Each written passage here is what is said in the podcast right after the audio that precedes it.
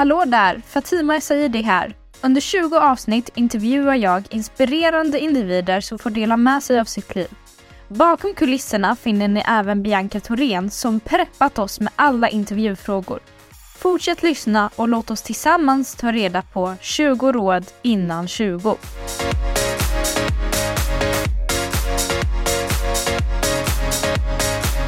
Det här är podden 20 råd innan 20. Mitt namn är Fatima Essaidi och med mig idag har jag Helene Jonasson. Hej Helene! Hej! Hur mår du?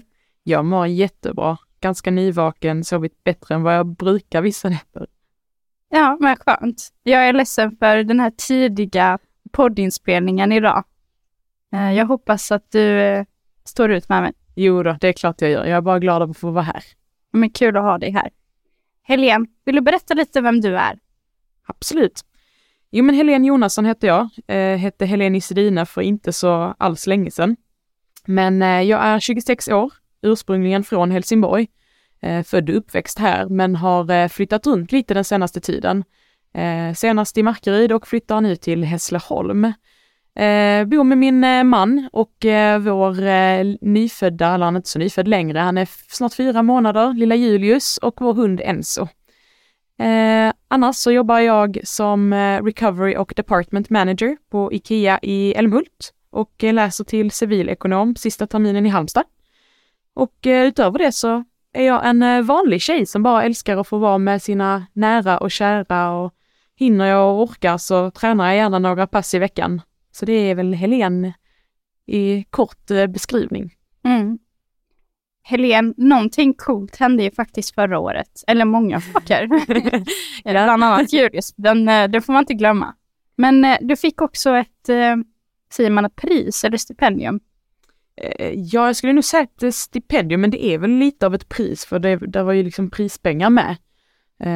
Det, jag hade själv svårt att definiera det förra året, men en blandning skulle jag säga. Mm. Berätta mer om det. Jo, men jag fick Kompassrosstipendiet av eh, Konungens stiftelse för ungt ledarskap.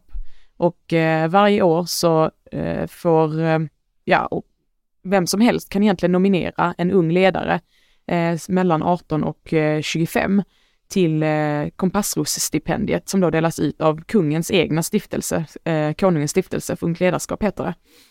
Och då väljer stiftelsen och kungen ut ett par kandidater som de anser har gjort något extra eh, och eh, någon som leder med mod, omtanke och handlingskraft. Och förra året var jag en av tre unga tjejer som fick då det här priset. Wow, grattis. Tack så mycket. Eh, vi kanske kommer tillbaka till det lite senare, men jag tänker att du ska få samma fråga som alla mina intervjupersoner har fått. Hur var Helene som ung? Oh, spännande. eh, jag skulle säga att jag eh, var väldigt ofta och länge eh, den duktiga flickan. Men jag var också väldigt rastlös och eh, hade nog behövt utmanas mer än vad jag gjorde. Eh, jag, var, jag hade lätt för skolan. Jag hade mycket kompisar. Jag, både i skolan och då jag idrottade, jag gick på simning väldigt, väldigt länge. Eh, både tränade och tävlade. Så jag hade en, en enorm eh, umgängeskrets. Ehm, men jag, jag var väldigt rastlös. Skolan var inte jättesvår för mig när jag, men fram tills gymnasiet egentligen. Ehm, så att jag sökte ju ständigt mer utmaning och idag förstår jag ju att alla de här projekten jag skapade eller att jag engagerar mig i elevkåren, att det var ju egentligen en sökning efter mer utmaning för att jag hade så mycket mer kapacitet än vad jag fick använda. Men annars en väldigt glad och sprallig tjej fram tills högstadiet. Det var där jag, det var där det vände lite, men det har ju också med min bakgrund att göra eh, och vad jag upplevde. Men oftast väldigt glad och eh, energisk och mycket liksom som händer runt omkring mig. Var det något speciellt som hände under högstadiet? Ja, det var egentligen inte under högstadiet utan 2006 så var, åkte jag och min lilla syster på semester till mina föräldrars hemland i Libanon. Och då blev det faktiskt krig och vi fick fly därifrån. Och jag pratade inte alls om vad jag gick igenom där och då och inte heller när vi kom hem. Men när jag gick på högstadiet så fick jag gå och träffa en kurator för att börja prata om det som hade hänt och börja liksom få bearbeta. Men det gjorde ju också att jag hade förträngt det så många år att det var då det liksom slog till egentligen. Och det var nästan som att det hade hänt igen. Eh, så jag mådde ganska dåligt eh, psykiskt av allt som jag fick komma ihåg igen.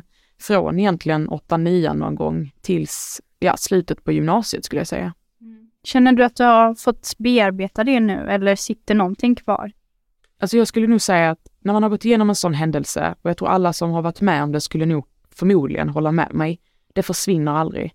Eh, det sitter alltid kvar på något sätt och ibland så kommer det eh, påminna dig om, om saker. Du kommer att stöta på situationer eller kanske till och med människor som på bara sekunder kan sätta dig där igen. Eh, men jag skulle nog säga att jag har bearbetat det så gott som jag kan. För, den, för jag var ju väldigt, väldigt ung. Men eh, jag mår ju mycket bättre idag. Jag har ingen ångest, jag har inga panikångestattacker. Eh, jag, är lyck jag kan faktiskt säga att jag är lycklig och det är jag väldigt tacksam över. Eh, men det kunde jag inte på, en väldigt, alltså på väldigt många år. Hjälpte det att prata med kuratorn? Både och. Jag hade väldigt svårt för att öppna upp mig och dela med mig av mina känslor. Jag, jag har ju växt upp lite med att psykisk ohälsa inte riktigt är någonting som existerar eller pratas om. Inte för att mina föräldrar är emot det, men mer att det är lite tabubelagt att lyfta ämnet. Eh, så att det var nog mer det som var det svåra. Men kuratorn hjälpte väl mig att för första gången lite så här småtvinga mig att, att börja prata. Sen tyckte jag inte det var bekvämt, jag tyckte inte det var roligt. Eh, jag mådde liksom aldrig bättre när jag gick därifrån egentligen. Men sakta men säkert så kunde man gå hem och tänka på att okej, okay, nu har jag pratat om den här biten, nu släpper vi den. Men det tog ju också väldigt många år innan jag kände att nu kan jag lägga det här bakom mig. Har du något tips till alla ungdomar som har gått igenom en traumatisk upplevelse? Hur ska man bearbeta det? Svår fråga. Eh, och egentligen nej, för att det är så individuellt. Vi går alla igenom olika saker. Vi har alla olika bagage med oss och vi alla behöver olika sätt för att komma igenom det.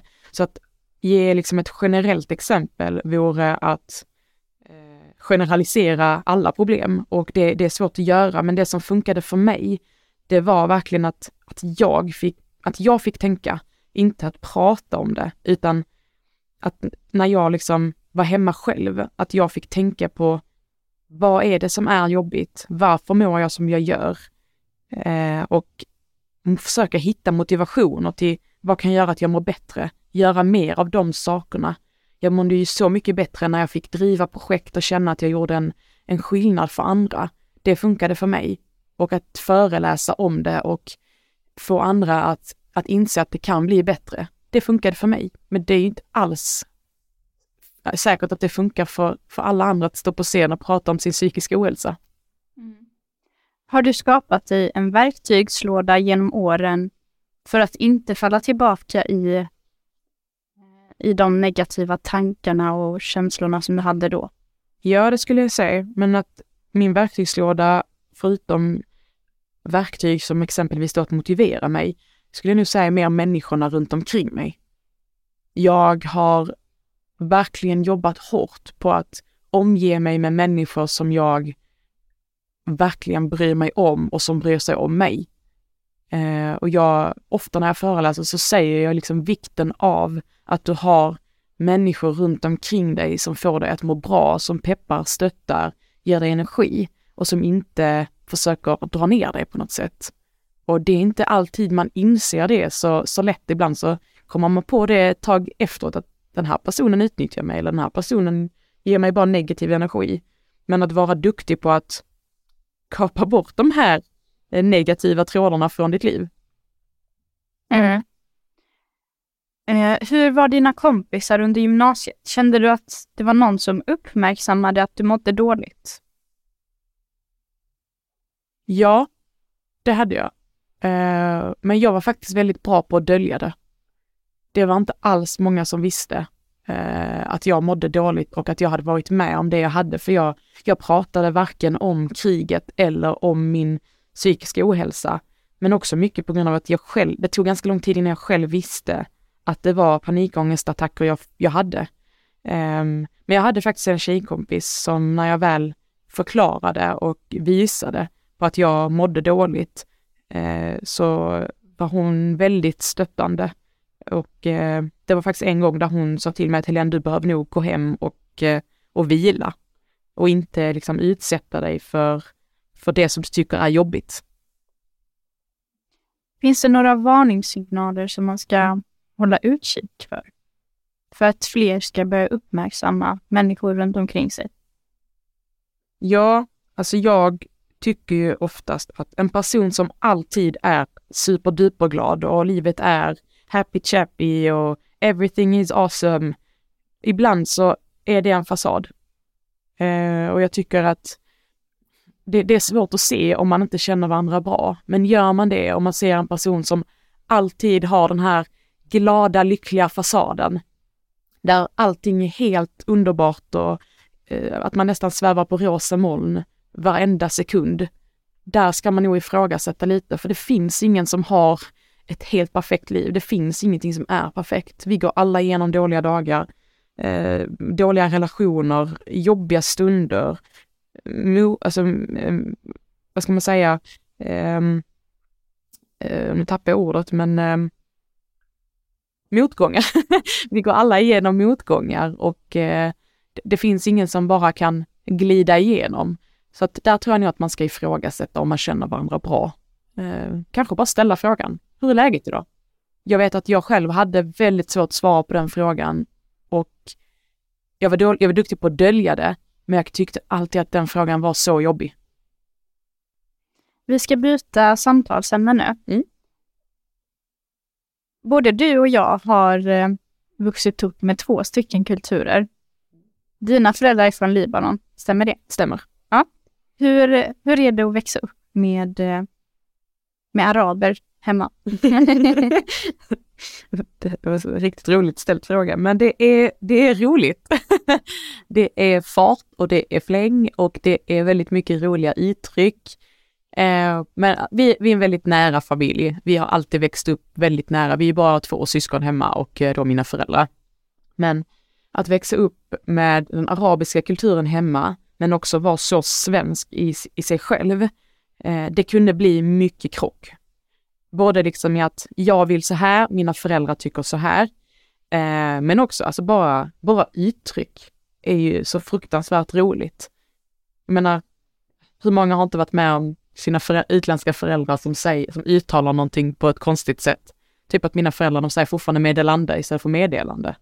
Eller att min mamma en gång stod på, stod på ett event och sa jag satte på bordet. Alltså, man, man kan skratta åt det, men samtidigt, när man, alltså det har sin charm eh, och det har ju också präglat vem vi är som personer. Vi har ju väldigt lätt för att socialisera oss med olika typer av människor. Eh, jag skulle nog säga att det spelar ingen roll vilket rum du sätter mig, jag kommer nog alltid hitta en kompis. För att jag har växt upp i så blandad kultur det området jag bodde i, vi var inte bara araber, det var mycket blandat. Eh, sen mina jobb har gjort att jag har jobbat med verkligen hela världen nästan. Eh, så jag har väldigt lätt för att hitta en, någon gemensam nämnare. Men eh, väldigt roligt att växa upp med araber, men också mycket utmaning. Eh, I och med att jag själv alltid har sett mig som svensk. Har du alltid varit stolt över din bakgrund? Nej, det har jag faktiskt inte varit. Varför? Um, jag tror som ung så har man väldigt svår, svårt för att, alla vill ju kategorisera. Och när du då själv kan känna att jag hör inte hemma i en, någon av de här kategorierna. För att är jag i Sverige så är jag tjejen som har arabisk bakgrund eller libanesen, araben, man kan kalla det vad man vill. Är jag hem, eller inte hemma, för för mig är Sverige hemma, men är jag i Libanon på besök så säger de alltid, ja det är skandinaven, ja det är svensken. Jag hör liksom aldrig riktigt hemma någonstans. Och som ung är det väldigt svårt att inte få känna att man hör hemma. Idag kan det kvitta mig. Jag tycker bara det är roligt. För att jag är ju liksom, någonstans har ju detta blivit en av mina styrkor, för jag står ju ut på det sättet. Men som ung var det väldigt tufft. Att i Sverige och i, i skolan bli kallad för jävla arab, alltså det är inte lätt att få höra och speciellt inte när de kopplar ihop det med terrorism. Så att många gånger mådde jag faktiskt dåligt och fick komma hem och fråga mamma varför säger de så? Och fick ganska tidigt lära mig att ja, men samhällets baksidor var många, men att det inte, det betydde inte att jag tillhörde den sidan. Eh, och även idag kan jag bli ledsen när jag, när jag liksom ser att människor inte kan separera de här begreppen och det som händer. Bara för att du är ifrån ett visst land betyder det inte aktivt att du är kriminell. Och jag tycker att vi, vi har blivit så duktiga på att bara dra de här parallellerna och det är så synd för det, där är så många människor som jobbar så otroligt hårt för att inte beblanda sig med de här termerna. Och vi måste stötta och hjälpa dem och se dem för vad de gör. Du som är nybliven mamma, mm. har du fått nya insikter eller reflektioner sedan du skaffade Julius? Vilken kultur vill du att han ska växa upp i? Mm. Jag och min man har faktiskt pratat ganska mycket om den här frågan eh, och vi, jag skulle vilja säga att vi är överens jag tycker vi är överens. Eh, jag valde, eller vi valde att eh, Julius, vi var inte gifta när vi fick Julius, men vi valde att gifta oss sen, men bland annat för att vi tyckte att Julius ska heta Jonasson i efternamn. Och det är så himla tråkigt egentligen att jag ska behöva känna så. Eh, jag vill ju såklart att vi ska heta samma efternamn allihopa, men det är ju egentligen bakgrunden till varför jag känner så som är problemet. Varför ska det vara ett problem för Julius att heta Isidine? Um, och jag, vi kände liksom tidigt att vi ska göra det så enkelt så, som möjligt för honom. Han ska kunna söka jobb utan att känna att han blir bortvald på grund av sitt namn. Uh, och det, det, är så himla tragiskt egentligen. Men kulturmässigt så har vi faktiskt sagt att vi vill att han uh, får den bästa av båda världar. Eh, det, finns, det finns fördelar och nackdelar med både den svenska och den arabiska kulturen. Eh, men han kommer lära sig båda språken. Vi har varit noga med att jag ska försöka prata arabiska så mycket jag bara kan, för det kommer vara en fördel för honom.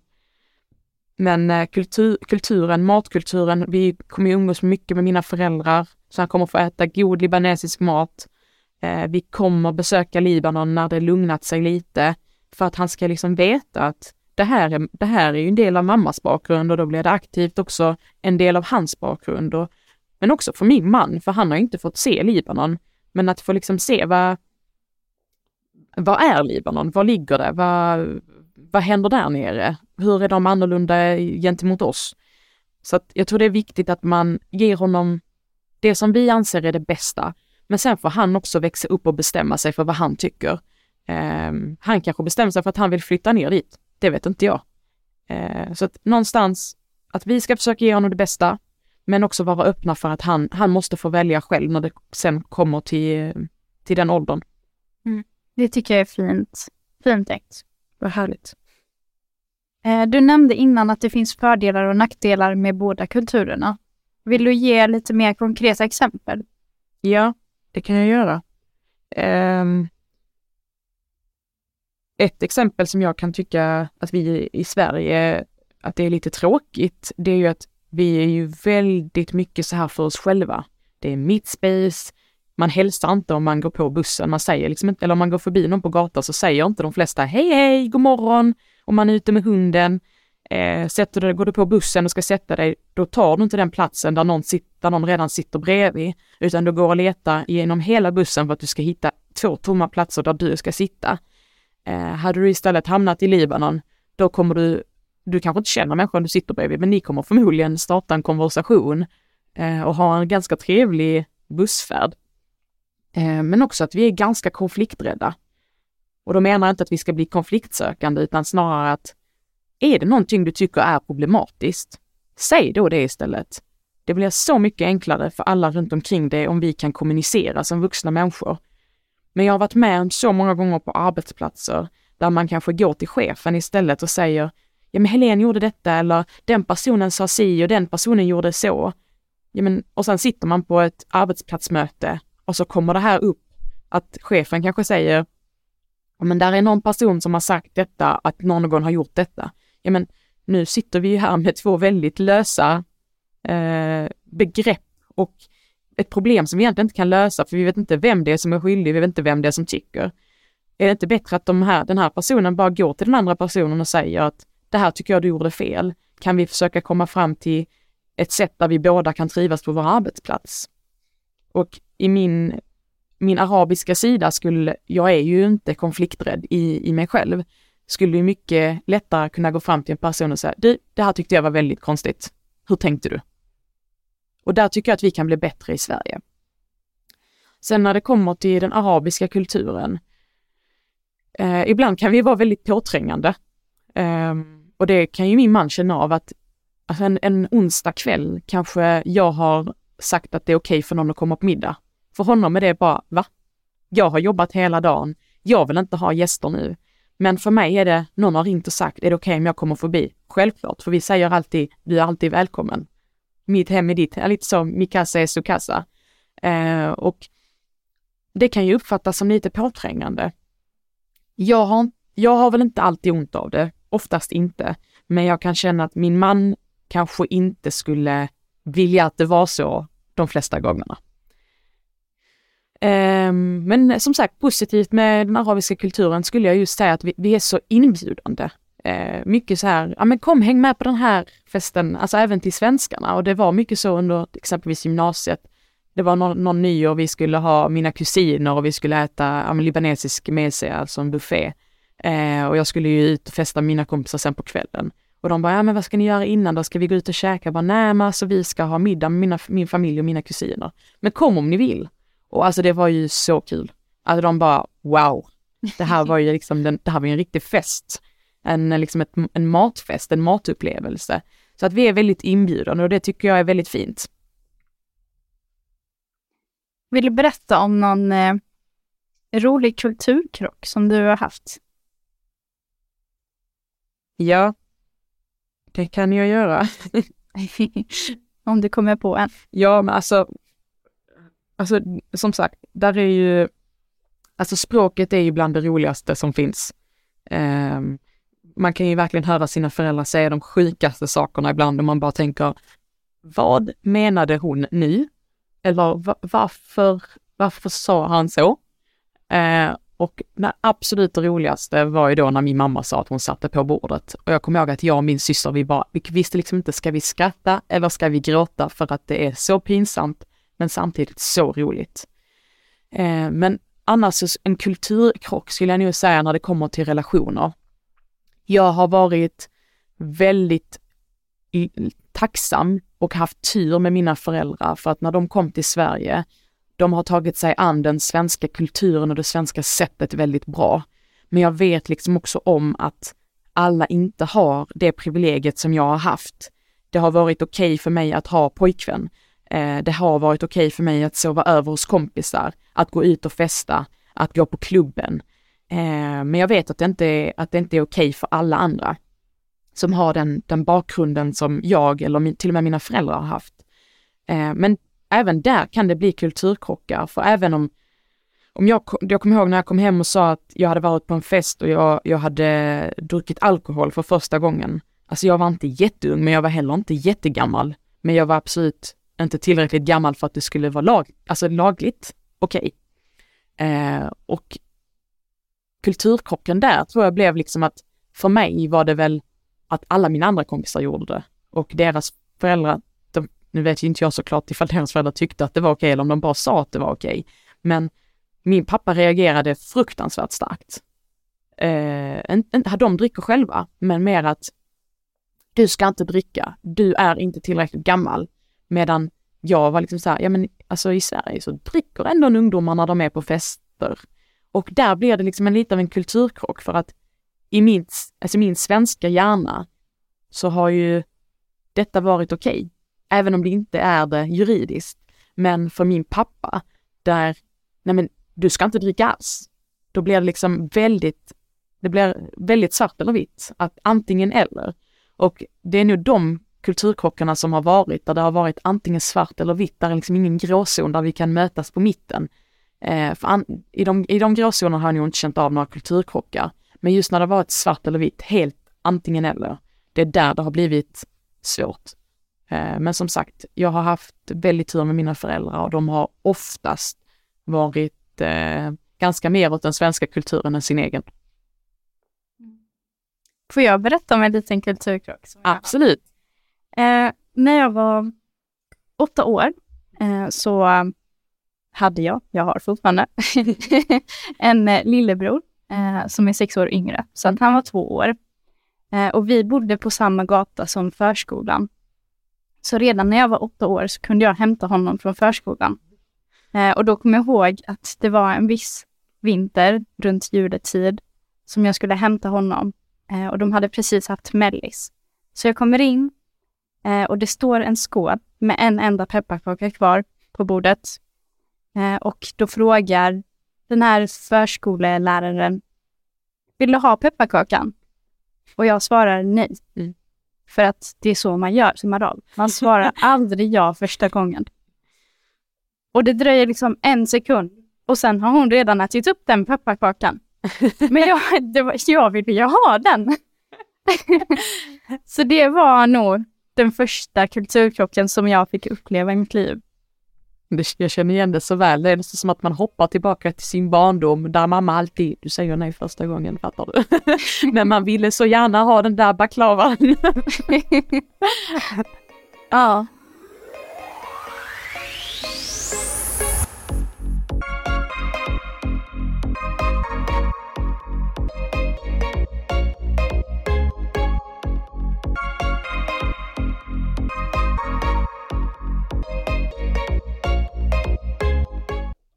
Yes. Vi går vidare. Mm. Eh, Jag tänker att du kan få berätta lite om din karriärsresa. Ja. Var tycker du att jag ska börja någonstans? För jag, ibland så har jag väldigt svårt för att berätta om vad jag har gjort, för jag har gjort så fruktansvärt mycket att jag ibland själv glömmer bort viktiga, viktiga delar av det. Mm. Jag tänker från studenten och framåt. Absolut.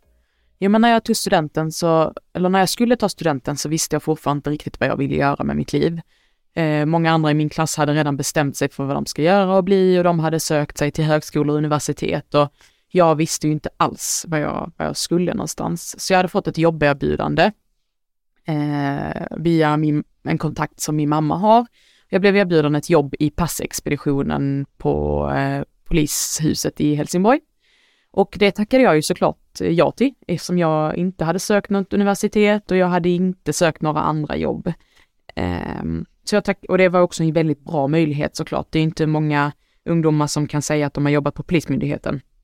Så att jag började eh, i passexpeditionen där sommaren 2016 och eh, det har verkligen präglat min, mitt sätt att eh, vad ska man säga, vad jag, det har präglat mitt sätt för hur jag vill jobba. För det var en väldigt tuff sommar. Vi hade, vi hade skitroligt såklart, eh, vi som jobbade, men det var också en väldigt tuff, ett väldigt tufft klimat. Det var, på polis, när man jobbar där, så, hur ska jag förklara det här? Um, på Polismyndigheten möter man alla typer av människor, eh, från olika bakgrunder och som sagt med olika bagage. Och att vara 19 år gammal och behöva möta detta, det är ganska svårt för du har aldrig gjort det innan. Och det har gjort att jag fick, eller det gjorde att jag fick växa upp ganska snabbt och eh, lära mig hur man bemöter ja, men alla typer av människor oavsett vad, vad de hade för bakgrund eller vad de hade varit med om och även hur de betedde sig på plats. För det var ju liksom vårt jobb att hjälpa dem. Men eh, den sommaren gick och jag fick även komma tillbaka sommaren efter. Eh, och sen hade jag ju fortfarande inte bestämt mig för vad jag skulle göra. Jag hade varit och studerat en termin på universitet men kände att det var inte rätt. Eh, och eh, då sökte gränspolisen nya anställda. Så jag passade på och sökte mig dit, för polis hade faktiskt sedan barnsben varit en sak jag kan tänka mig. Och är det, är det något sätt man ska få testa polisyrket så nära som möjligt så är det ju lite genom att jobba på polisen som civilanställd. För du kan ju inte praoa som polis.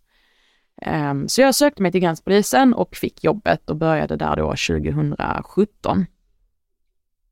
Och det, det har också satt sina spår i min karriär, både till det bra men också till det dåliga. För att jag lärde mig ganska tidigt att det jag gör just nu inte var tillräckligt. Jag kände mig inte tillräckligt utmanad, jag lärde mig ingenting nytt, jag behärskade arbetet ganska snabbt. Jag tror jag, efter två veckor var jag ganska flytande och gjorde liksom allting man kunde. Um, så jag sökte en kurs i arabiska, så jag passade på att ta högskolepoäng i någonting som jag egentligen kunde ganska väl, men jag kunde inte läsa och skriva. Så jag fick öva upp det Eh, inom mina studier. Och eh, därefter startade jag eh, Squad tillsammans med en, eh, en, nära vän till mig som heter Lotta. Och vi drev eh, ett projekt tillsammans med Helsingborgs stad och Visionsfonden. Eh, drev vi ett projekt som heter Boost by Squad och vi var faktiskt bland annat här på tryckeriet. Eh, men blev ett jättelyckat projekt för unga tjejer där vi pratade om tabubelagda ämnen. Och där började jag nog någonstans inse att är myndighetsarbetet och att vara på gränspolisen tillräckligt för att jag hade ett jättebra schema. Jag trivdes sjukt bra med att jobba treskift, att jag hade dagar ledigt, jag kunde, jag kunde resa som jag ville, eh, jag kunde driva då mitt projekt vid sidan om och jag insåg där att jag, ja men jag gillar nog att ha många bollar i luften. Att bara göra en sak, jag blir så lätt uttråkad. Så att där började jag liksom hitta att okej, okay, jag behöver nog flera grejer samtidigt. Jag kan inte bara syssla med en sak för då kommer jag bli uttråkad. Men jag kan heller inte ha för många grejer igång samtidigt för att då kan jag inte prestera på samtliga.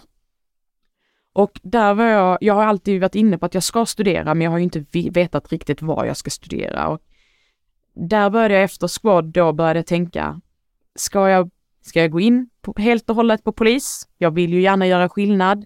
Jag eh, tycker polisarbetet verkar eh, intressant och spännande. Eh, det låter lockande, men jag visste också att jag ville mot ledarskap, för jag har alltid varit en ledare naturligt. Men ledare inom polisen kommer ju oftast gå mot chefshållet och kommer jag kunna bli chef inom en så fyrkantig myndighet där det är inte många unga kvinnor med utländsk bakgrund som är chefer på Polismyndigheten idag. Och kommer jag vara den som tar täten eller kommer det bli så att jag blir utstött och utbesluten? Och jag var ganska trött på myndigheten överlag redan och kände liksom att nej, jag, jag vill inte ha någon som will hold me back. Jag vill snarare ha någon som kommer säga ta flaggan och gå först. Kör, ta för dig, Eh, har du en idé, klart vi ska köra på den. Och jag kände väl att så som Polismyndigheten fungerar idag är det kanske inte riktigt rätt läge. Och jag var ju inne på civilekonom då eh, som mitt andra alternativ eh, och eh, kände att det här känns mer rätt. Där är blandade kurser, mycket variation, oavsett vad jag liksom riktar in mig på i själva utbildningen. Eh, så kan jag jobba med massa olika saker i framtiden. Jag kan ju jobba med, nu har jag kört strategisk ledning som inriktning. Jag är inriktad åt chefshållet, men skulle jag bestämma mig för att jobba med marknadsföring om tio år så är det inte säkert att det är någon som kommer säga nej, du har aldrig jobbat med marknadsföring innan. Jag, är fortfarande, jag kommer fortfarande vara civilekonom. Så att jag valde den vägen och eh, därefter har jag ju försökt hitta karriärsmöjligheter som matchar det jag vill göra. Eh, och jag tycker det är roligt att göra skillnad. Jag brinner för det. Jag tycker det är viktigt att jag alltid har ett syfte bakom oavsett vad jag jobbar med. Så att jag sökte mig faktiskt tillbaka till IKEA. Jag hade sökt sommarjobb där en gång tidigare och eh, blivit nekad i Helsingborg. Men jag flyttade då till Markaryd när jag träffade Niklas och Älmhult ligger inte så långt därifrån så jag sökte sommarjobb där när jag tröttnade på gränspolisen och kände att nu måste jag nog hitta någonting som passar mer in på min inriktning eh, i skolan.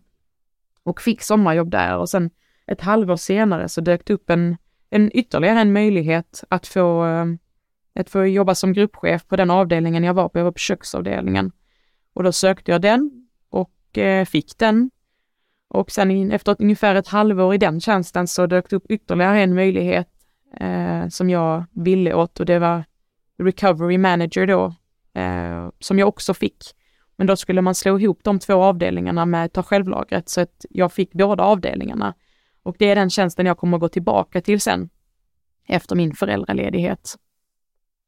Men eh, som sagt, jag är ju en person som gillar att ha många bollar i luften så att jag sysslar ju inte bara med det utan förra året den 8 mars, så, eller lite innan, så kände jag att jag måste få träffa fler drivna kvinnor som vill utbyta kunskap. Behöver inte bara vara en person som är civilekonom eller jobbar med ledarskap, utan det kan vara en sjuksköterska, det kan vara en ingenjör. Men jag ville träffa andra drivna kvinnor, jag ville liksom utöka mitt nätverk. Och jag kände att Helsingborg saknade ett forum där vi kunde samla unga drivna kvinnor. Och eh, som vanligt så är jag ju inte, är jag ju inte långsam på att starta ett projekt. Så jag körde igång och startade Ladies of Tomorrow. Eh, och eh, nu har det varit igång i ett år och cirka 70 tjejer har liksom deltagit eh, på ett eller annat sätt. Och ja, mitt nätverk har ju definitivt blivit större, men jag har också haft möjligheten att få träffa och utbyta kunskap med andra riktigt, riktigt grymma kvinnor. Och det är jag väldigt stolt över. Jag är väldigt glad över att du har startat det här nätverket. Vad härligt, kul att höra. Vi hade ju faktiskt en träff för två dagar sedan. Ja. Um, och jag tror att även om du får ut väldigt mycket av det så får tjejerna som kommer på de här träffarna också ut väldigt mycket. Jag hoppas det. Jag tror, alltså jag är ju, jag som många andra duktiga flickor tror jag är väldigt duktiga på att ifrågasätta ifall man är så bra som vi får höra att vi är. Och många gånger har jag liksom funderat över ifall, ifall jag gör tillräckligt. Är det verkligen roligt? Är det givande? Men eh, varenda gång jag ska lämna ett event så får jag så mycket tacksamhet från deltagare. Det här är så bra, det här var så spännande, tack för att du anordnade, kan jag göra någonting för att hjälpa dig? Och jag tror det är ett kvitto på att det jag gör är rätt. Eh, och vi har nya deltagare varje gång som faktiskt kommer tillbaka. Och det betyder ju att det här var någonting som de saknade, någonting som de vill ska finnas. Så att jag tror att jag är på rätt väg, men eh, ibland behöver jag bara påminnas. Vad är nästa projekt då? ja du, jag har alltid sagt att jag är jätteöppen för möjligheter. Eh, jag, jag har sagt att jag ska inte låsa fast mig vid någonting. Jag ska, jag ska embracea vad som kommer till mig. För inte alls så länge sedan så fick jag frågan ifall jag ville bli fastighetsmäklare. Jag har inte bestämt mig. Jag vet inte. Eh, det kanske är jätterätt för mig. Men just nu så ska jag faktiskt bli klar med min uppsats. Jag eh, borde bli klar till juni och ta examen. Och sen ska jag vara föräldraledig på riktigt i tre månader. För att jag har inte varit ledig på väldigt, väldigt många år. Så jag har faktiskt sagt att jag ska inte starta några projekt, utan jag ska vara mamma till Julius i tre månader, bara. Eh, och sen ska jag gå tillbaka till mitt jobb. Och sen behöver jag känna efter. Är det, är det rätt för mig? Är jag på rätt väg, på rätt bana? Eller ska jag kanske då ta de här kurserna och bli testa fastighetsmäklare? Eh, sen känner jag mig själv väldigt väl och vet med mig att dyker det upp ett intressant projekt eller om jag kommer på någonting spännande, då kommer jag köra.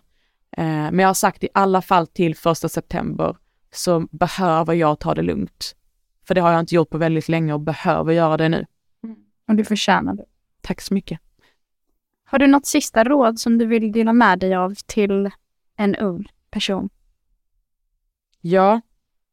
För två dagar sedan då när jag föreläste på, eh, på vår, eh, vårt event och träff så hade jag ju vissa, hade jag en slide med lärdomar och eh, jag visste ju att jag skulle hit idag så jag tänkte faktiskt mycket på vad hade jag sagt till mig själv som ung. Och bland annat så hade jag sagt att det, det blir alltid bättre. Det kommer lösa sig. Det är inte lätt att veta när man är så ung vad jag ska göra, vad jag ska bli. Jag vet fortfarande inte vad jag vill bli och jag är 26 idag. Det är okej okay att inte veta. Vi får lov att ändra oss, men det viktigaste är att du måste få bestämma. Jag bestämde då att jag skulle läsa naturvetenskap. Jag insåg då att det var fel. Jag bestämde mig senare för att ta en annan väg. Var mina föräldrar glada?